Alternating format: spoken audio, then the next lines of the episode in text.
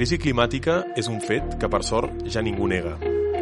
El debat, avui, és com fer front políticament a aquesta emergència. L'espectre de propostes van des d'un reformisme light i naïf que considera que amb quatre acords de descarbonització i motors elèctrics això ja ho tindrem solucionat, fins a un ecosocialisme apocalíptic que ens convida a créixer ràpidament aturant de facto la dinàmica de l'economia capitalista. La pandèmia, que ara sembla que va arribant a la seva fi, ha estat un bon camp de proves de tot plegat. El que molts afirmen en qualsevol cas és que el model de societat que hem vingut construint està tocat de mort. La civilització occidental, tal com la coneixem, està clarament col·lapsant. En què consisteix un col·lapse civilitzatori? De tot això en parlarem avui en un nou episodi del podcast Indefugibles. Indefugibles, el podcast de la Càtedra d'Ètica i Pensament Cristià de l'IQS, amb Xavier Casanovas i Oriol Quintana. Un podcast amb la col·laboració de Catalunya Religió.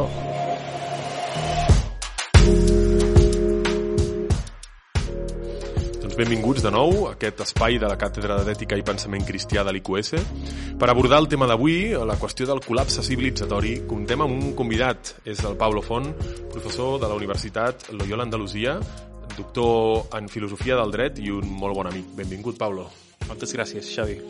Bueno, pasaremos al castellano eh, para poder tener un rato de conversación y de diálogo más, más fluido. ¿eh? Gracias, Pablo, por, por acompañarnos en este episodio del podcast. Bueno, tú has escrito, el motivo de la entrevista o del diálogo es porque tú has escrito un libro ¿no? que, que se llama La batalla por el colapso, ¿no? las élites contra el pueblo. Uh, pero cuéntanos un poco, Pablo, cuando dices colapso o que estamos en un colapso civilizatorio, ¿qué significa esto? Bueno, claro, eh, la palabra colapso puede sonar como muy, eh, muy apocalíptica, ¿no? Como si fuera una especie de Armagedón. Pero en realidad, cuando hablamos de colapso, eh, la definición, digamos, más adecuada me parece que es la de un, eh, una simplificación más o menos brusca, pero muy fuerte, en un espacio más o menos determinado, de bueno, pues todo lo que significa una sociedad una civilización.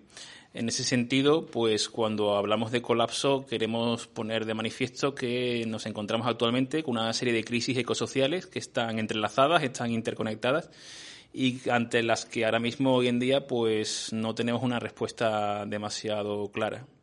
Porque, claro, o sea, tú me estás diciendo, no va a ser como en la película esa de Netflix de uh, Don't Look Up, ¿no? Que se hizo famosa hace unos meses. O sea, no va a caer un meteorito que va a acabar con nosotros, tampoco nos vamos a quedar fritos, digamos, por aumento de temperatura en dos días, sino que más bien va a ser como, ¿no? Una especie de, eh, bueno, de cartas que van a ir cayendo, cosas que se van a ir desmontando poco a poco, pero que a la larga lo que van a obligar es esto, ¿no? A, simplificar nuestro modo de vida o, o, o a que este cambie eh, muy fuertemente. Es esto, ¿no?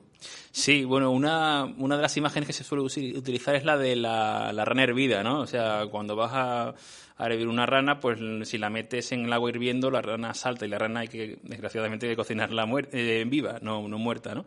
Eh, bueno, y de pronto la metes en agua fría y vas calentando, calentando hasta que rompe a hervir y en el último momento la rana cuando se da cuenta ya no puede escapar, ¿no? Entonces el colapso realmente es, puede ser una situación en la que ya, o de hecho es una situación en la que probablemente ya nos encontramos por, por una serie de, de intersecciones. En un primer lugar el caos climático y en segundo lugar las limitaciones y la, y la crisis de, recursos minerales, materiales y energéticos que nos limitan mucho a la hora de afrontar una una crisis ecosocial que sería muy, una, una, una transición ecosocial que sería muy deseable, pero que no es tan sencilla y bueno, pues simultáneamente pues nos encontramos que sin embargo también hay sociedades que ya han colapsado. Quiero decir, el colapso no es solamente algo de futuro, es algo de presente, incluso es algo ya del pasado. Hay sociedades que ya han colapsado, hay civilizaciones.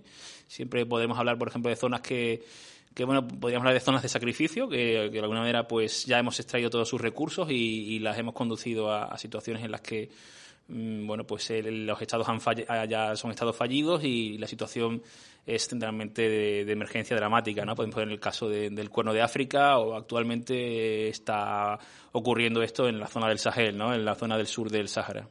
Claro, pero en el caso de Europa, podríamos decir que es donde nos encontramos, uh, y lo hemos visto también con la, con la pandemia, uh, parece que estamos fiando la respuesta a la emergencia climática o a esta situación de colapso que, que realmente yo creo que nadie puede, puede negar la estamos fiando en, una patada hacia adelante, ¿no? Por ejemplo, en Europa hablamos mucho de los recursos que se han puesto para la recuperación económica, que la mayoría de ellos han ido hacia una especie de Green New Deal, es decir, a una cierta apuesta, ¿no? De, reindustrialización verde, ¿no? Hacia una especie de crecimiento económico que pasará por un tipo de energías que no van a ser contaminantes. Eh, tú cargas un poco contra esta imagen en el libro, es decir, tú vienes a decir que esto es una especie de espejismo, ¿no? ¿Por qué?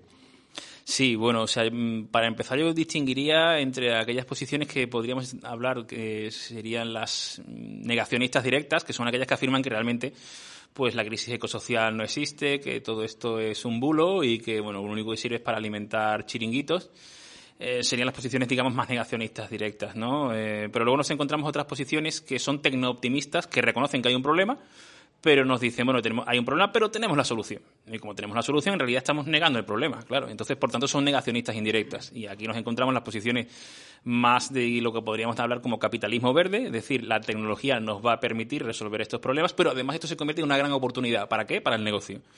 Eh, que se va a reavivar la, economía, ¿no? Eh, y de otra parte nos encontramos otras posiciones que también son tecno-optimistas, también son negacionistas indirectas, pero que plantean que la tecnología lo que nos va a permitir no va a ser tanto una posibilidad de negocio como más bien una posibilidad una oportunidad de reconstruir el pacto social que se bueno pues que se había implantado no que se había construido en Europa y Estados Unidos después de la Segunda Guerra Mundial eh, como algo que se había visto necesario después de todo lo que sucedió después de la crisis del 29, la, bueno, pues la, gran desigualdad, el auge de los fascismos y, la, Segunda Guerra Mundial. Y de alguna manera esto pues se, empieza a destruir a partir de los años 70, a partir de la crisis del petróleo y el auge del neoconservadurismo y, sobre todo el neoliberalismo. Por tanto, bueno, pues sería la idea recuperar eh, el estado social, el estado del bienestar, a través de todas estas tecnologías, eh, particularmente eh, las energías renovables y la electrificación del transporte, que va a ser un nicho para bueno, pues una gran cantidad de, de empleo, que va a generar riqueza y eso se va a poder repartir. ¿no? Em, pero bueno, claro, esas, estas posiciones en realidad, claro, parten de una visión en que, bueno, bueno, pues la tecnología va a encontrar la solución al problema, pero a día de hoy esas, esas soluciones realmente son muy limitadas, tienen muchos efectos colaterales y de esto no se suele hablar. Pero, pero esto es justamente lo que se nos está de alguna forma vendiendo como posibilidad de salida, ¿no? Eh, hoy en día, si tú preguntas a cualquiera cuáles son las noticias, pues tienen que ver con las inversiones que pueden llegar de Europa para todo este tipo de energías, todo este tipo de, de bueno, de economía verde, como tú decías, ¿no? Eh, bueno, porque es un problema esto. Hoy en día casi todo el mundo, ¿no? poniéndome en la piel de alguien que quiere, venga, vamos a salir de esta, ¿no? Incluso con muy buena voluntad te diría, no, no, la solución pasa por aquí. ¿Por qué tú crees que no pasa por aquí la solución? Bueno, hay un, hay un doble hay un doble problema y después todo esto converge que, claro, esto es una solución pues eh, con muchos en la que hay muchos intereses que convergen y y, que de alguna manera se presenta como la más fácil, ¿no? Más que tener que cambiar nuestro estilo de vida o nuestros valores como sociedad, ¿no? ¿Cuál es ese doble problema que empuja hacia aquí? El primero es el del pico de los recursos, el, pico del petróleo, en definitiva, es decir, no se acaba el petróleo disponible, pero cada vez es más escaso el petróleo accesible y, por tanto, eh, barato y al mismo tiempo de calidad.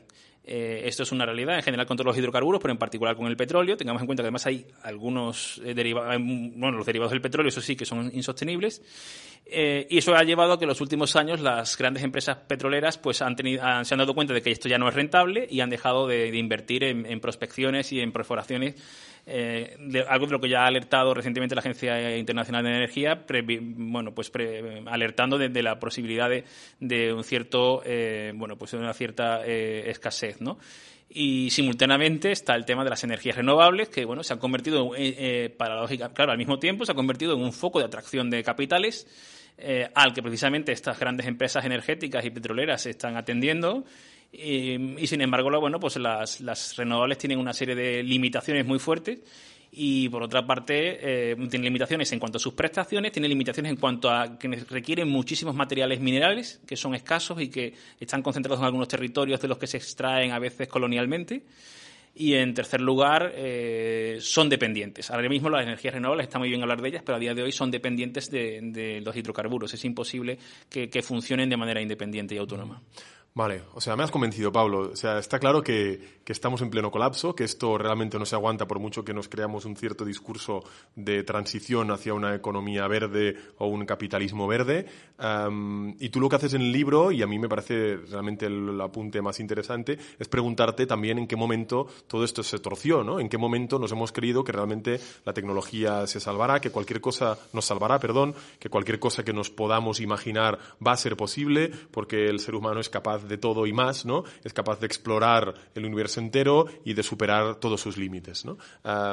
Tú de esto hablas también en el libro, ¿no? Y nos hablas también un poco del mito del progreso y de superación de todos los límites. ¿Por qué, ¿Por qué estamos en este punto? Es decir, ¿por qué es tan difícil hacer una reorientación en nuestra sociedad donde veamos que tenemos que autoimponernos unos ciertos límites o que hay una, hay una especie de fantasía o utopía irrealizable en la posibilidad de que nos vayamos todos a vivir a Marte?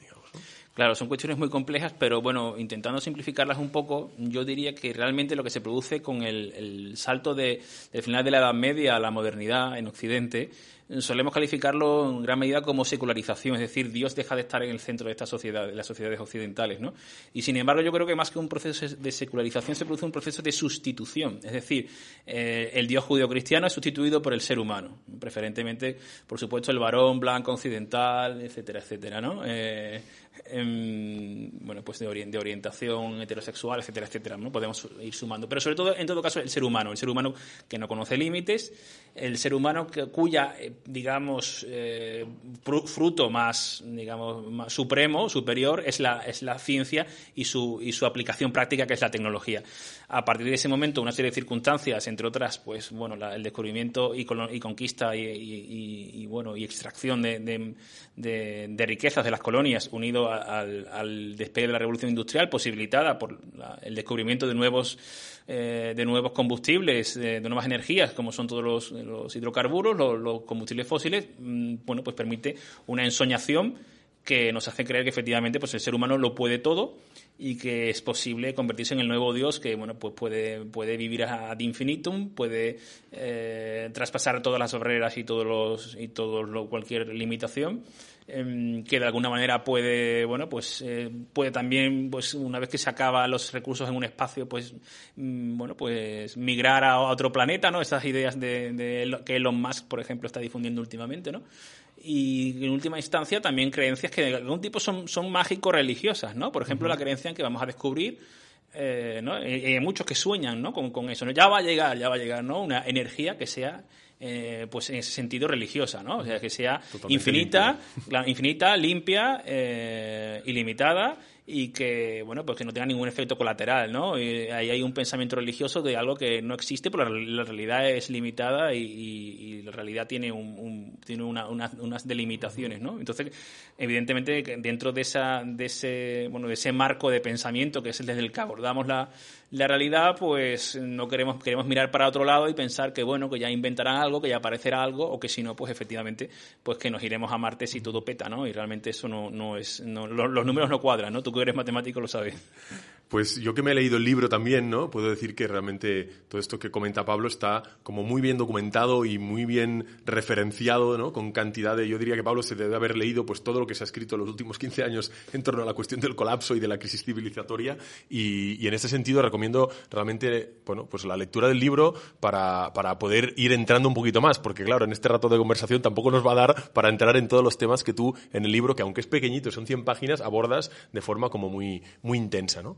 Pero sí que me gustaría uh, que pudiéramos hablar uh, al menos de un par de cosas más, ¿no? Tú hablas también de cómo la globalización, de alguna forma, ha tenido un impacto en esto, ¿no? En el sentido de que ha acabado convirtiendo el planeta, digamos, en el que vivimos, en una única cosa, en una cosa también limitada, es decir, el capitalismo ya se ha extendido hasta el último rincón y, por lo tanto, en el momento en que ya no hay nada más que explotar o de lo que sacar, ¿no? De alguna forma, un cierto rendimiento, uh, estamos llegando al fin. Tú pones el, el ejemplo de la isla de Pascua, me encantaría que nos, nos comentaras este ejemplo porque me parece como muy ilustrativo.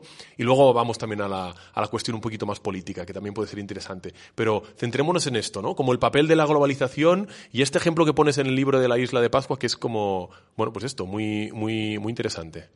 Bueno, claro, el proceso de globalización, que en realidad de alguna manera empieza ya con los primeros descubrimientos eh, que hacen los europeos en los siglos XVI, pero que se incrementa sobre todo a partir de los imperios coloniales del siglo XIX, después la descolonización política, que no económica ni social, de, África y Asia en el siglo XX y sobre todo a partir de bueno la muerte de Mao en China y el sistema de, capitalismo de Estado, pero sobre todo, evidentemente, la caída del muro y el desarrollo de nuevas tecnologías, por ejemplo, Internet, pues supone de alguna manera que nos encontramos ante una civilización completamente diferente a todas las anteriores que colapsaron en un determinado momento o cayeron en un declive más o menos rápido. En cuanto que, eh, bueno, pues eh, hemos creado una civilización global, una civilización que está todo interconectado. De tal manera que por eso voy al ejemplo de la isla de Pascua, porque nos plantea un ejemplo muy práctico de algo que sucede en una sociedad, en una civilización que, una civilización que está completamente aislada de la realidad. Eh, y las consecuencias que tuvo fueron bastante, bastante negativas y bastante dramáticas incluso. En ese sentido, eh, mm, la, bueno, pues la idea de que, de que, bueno, pues podemos escapar del colapso es mucho más se complejiza mucho, ¿no? Porque no vivimos, vivimos en un mundo isla, en ese sentido, ¿no? Vivimos aislados en medio del universo eh, y no hay ningún espacio, ningún, ningún territorio al que realmente sea factible a día de hoy trasladarnos y por otra parte también sería bueno cuestionarse si eso realmente es positivo y, si no alimentaría pues pues que podamos eh, sigamos siendo una especie pues predatoria eh, y que de alguna manera pues nos extendiésemos eh, bueno pues de una manera digamos bueno pues, pues, como lo hace un cáncer no sin sin sino que yo creo que es una de alguna manera un poco un poco dolorosa pero yo creo que es una oportunidad también para, para cambiar las raíces de, esta civilización. Y mientras este colapso se va dando, digamos, ¿no? Si ahora estuviéramos en esta isla de Pascua en la cual van acabándose los recursos, ya no sabemos muy bien cómo tirar adelante y no sabemos cómo salir de la isla porque no hay otra isla, ¿no? No hay capacidad de salir de ahí. Mientras todo esto está pasando, uh, ¿qué pasa con las élites políticas? O sea, ¿a qué, qué se dedican a hacer o, o, o, por qué da la sensación que no están dando respuesta a, a, esta crisis tan, tan bestia que vivimos? Bueno, yo creo que las élites políticas y económicas, ¿no? Juegan ahí a un, bueno, a un juego ambiguo en el que también se pueden equivocar, por supuesto, porque también bueno, su, su marco referencial de, de, cosmovisión del mundo es también el que compartimos y por tanto pueden equivocarse. Pero en todo caso, se, se, bueno, por una parte van a intentar hasta el final hacer un negocio con la situación actual, algo que por ejemplo aparece en la película que has hablado antes, la del Don't Look Up, ¿no? Pero eh, simultáneamente intentan también tomar posiciones para posibles escenarios eh, negativos o de colapsos más o menos severos y simultáneamente, bueno, pues están ya enzarzadas en, guerras entre ellas, que es alguna de las cuestiones que trato en el libro, ¿no? Entre las élites que fueron capaces de, impulsar la globalización como un, como un sistema, un sistema mundo que les iba a permitir hacer un negocio eh, pues a gran escala y que controlan, por tanto, los grandes procesos económicos internacionales. Y, por otro lado, otras élites que son élites, que eran élites locales y que se han quedado de alguna manera marginadas en, en ese contexto, pero que intentan también mantener su papel tradicional de, de bueno, pues de alguna manera eh, superior en, en, diferentes territorios, ¿no? Y bueno, el caso de la guerra de Ucrania, por ejemplo, me, me parece un caso en el que claramente se, se, percibe estas, estas batallas entre diferentes élites que intentan posicionarse lo mejor posible ante bueno pues ante un mundo que cada vez tiene menos recursos eh, materiales energéticos y, y, bueno y un, y un medio ambiente sano cada vez también más escaso claro tú pones mucho énfasis en esta en el hecho de que mientras estas élites se van peleando entre ellas, ¿no? nosotros como pueblo, digamos, ¿no? Eh, con poca capacidad para reaccionar o para hacer algo, nos lo miramos un poco, yo diría, como Uh, pues sí, pues esto, ¿no? Como despistados o, o, de alguna forma engañados, ¿no? Es decir, que aquí también hay un elemento, yo diría, de distracción ante el gran colapso que estamos viviendo por parte de nuestras élites para que parezca que uh, pues salgan otros debates que de golpe parecen más importantes que este o que de alguna forma, pues esto, ¿no? Uh, estemos un poco dormidos, diría, ¿no? mientras, mientras todo esto va pasando, ¿no? Claro, la pregunta es, bueno, ¿qué escenarios se nos deparan ahora mismo, digamos, porque tu discurso realmente es duro, es duro, es, es, es apocalíptico, no en el sentido, como decíamos al inicio, ¿no? de un Armagedón, no va a caer un meteorito ahora, pero esto ya lo vemos, ¿no? Aquí vemos una civilización que va colapsando y no sé si acabaremos como en el Imperio Romano, digamos, ¿no? Que habrá libros que hablarán del Occidente, digamos, y de la modernidad como una etapa de grandes gestos y de grandes cosas, pero, pero ¿hacia dónde vamos? ¿Hacia la extinción total del género humano? ¿O esto es algo impensable? ¿O vamos hacia escenarios que quizá todavía no hemos ni imaginado? Bueno, no tengo el libro de, el libro de ruta del futuro, ¿no? Pero, pero evidentemente, o sea, vamos a cambios importantes, mm, tanto por un lado por el, por el caos climático, como por el otro lado, de que es la primera gran crisis ecosocial a la que nos enfrentamos, como por otro lado el declive de los recursos, que justo cuando más lo necesitaríamos para, para afrontar ese caos climático. Y ante eso, pues hay escenarios, mm, pues eh, los escenarios peores, los escenarios mejores, en los que pues, hubiese una, digamos, escenarios más utópicos, y en medio hay escenarios intermedios que pueden ser más o menos distópicos, pero algunos de ellos son realmente, pueden llegar a ser escalofriantes. Es decir, los más distópicos, evidentemente, nos llevan a escenarios de destrucción y de imposibilidad de la vida en la Tierra pero hay otros escenarios que de alguna manera permitirían la continuidad de la vida en la Tierra, pero eh, bueno, pues con una gran, digamos, dualización en la que hubiera una, la, inmensa minoría eh, se convirtiese en la que detentase los escasos recursos y el medio ambiente sano que pudiera perdurar. Y bueno la gran, las grandes masas de población sobre todo las que son más están más empobrecidas y las más vulnerables que ya digo que muchas de ellas ya han colapsado a día de hoy pues de alguna manera pues bueno, estuvieran digamos totalmente sometidas a ellas no dentro de dos escenarios que yo creo que son bastante y ahí yo creo que se puede jugar mucho en el plano político sí que es eh, un escenario en el que eh, los estados como como eh, formas de organización política, social, económica y jurídica de Occidente desde hace 500 años perdurasen, lograsen lograsen perdurar y por tanto de alguna manera lo que intenta, eh, las, las élites lo que intentarán de alguna manera es controlar esos estados para que les sean las, digamos los aparatos los dispositivos que les permitirán eh, concentrar esos escasos recursos que queden o el otro escenario es que directamente bueno pues estos eh, la, complejidad mm, de estos de estos grandes aparatos estatales y burocráticos eh, no, no, pueda seguir funcionando en este contexto de enorme simplificación del que hemos hablado antes, en sociedades que son muy complejas, y en ese caso podemos encontrarnos sociedades más bien caóticas en las que, bueno, pues de alguna manera lo que nos encontraríamos sería más bien algún escenario tipo Mad Max, ¿no? En el que, bueno, pues eh, señores neofeudales intentarían controlar territorios y no habría sería un poco la ley de la ley del oeste, ¿no? Es, un tipo de pero en todo caso ninguno de estos escenarios son, son positivos, ¿no? Realmente, bueno, pues como decías antes, escalofriante, ¿no? Realmente cualquier, cuando uno se pone a pensar en esto, eh, el peligro es que uno se quede completamente bloqueado y asustado ante lo que pueda venir pero tú en el libro lo afirmas y vas diciendo más de una vez, ¿no? Podemos salvarnos y podemos salvarnos juntos, ¿no? O sea, hay también una, un mensaje de, yo diría, no sé si de esperanza o al menos sí de, de posibilidad, digamos, ¿no? De cambiar el rumbo de una historia que todavía no está escrita, evidentemente, ¿no? No sé si tú, para ir terminando ya, eh, nos invitarías, no sé, algún tipo de acción o, o, o, qué le dirías a alguien que después de escuchar, pues, este relato y, y lo que tú nos has estado contando, dice, yo quiero, quiero hacer algo para que esto no vaya por el peor de los caminos, ¿no? Claro, yo creo que es importante darnos cuenta que, hay miedos que, que, no tienen sentido y estamos rodeados de miedos que nos inducen eh, y sin embargo, algo que, que, sí tendríamos que tenerle miedo, como es la posibilidad de un, de un, colapso ecosocial, no se habla. Ahora bien, el miedo, ese miedo tiene que ser un miedo que no sea ni paralizante, ni tampoco que nos conduzca, a la evasión, ¿no? No hay nada que hacer, ¿no? Porque precisamente eso, son, eso ese comportamiento sí es que sí es el que nos va a llevar directamente al colapso. O sea, evidentemente, si no hacemos nada, pues como podríamos decir que ese es un comportamiento que por omisión va a ser performativo. O sea, va a llevarnos evidentemente al colapso porque no hemos hecho nada.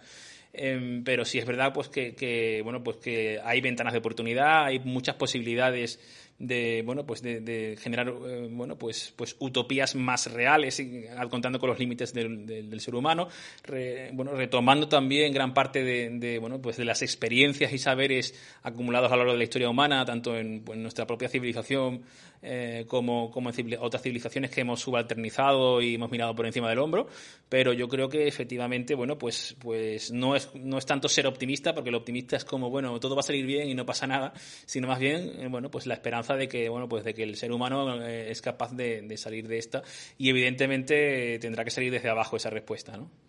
Muy bien, Pablo, pues te agradezco muchísimo este rato de diálogo. Yo creo que, bueno, no sé, hemos aprendido al menos uh, reflexionar un, un, poco en torno a esta cuestión del colapso. Yo creo que, que, nos, abre, nos abre más los ojos y nos obliga a reaccionar. Espero que hayas estado a gusto, Pablo. Uh, gracias por este rato y, y, bueno, hasta la próxima. Habrá otra, no? Sí, sí, esperemos que sí. Moltes gràcies, Xavi. Muy bien, Adeu. pues moltes gràcies també als que ens escolteu i ens tornem a trobar en un nou episodi del podcast Indefugibles.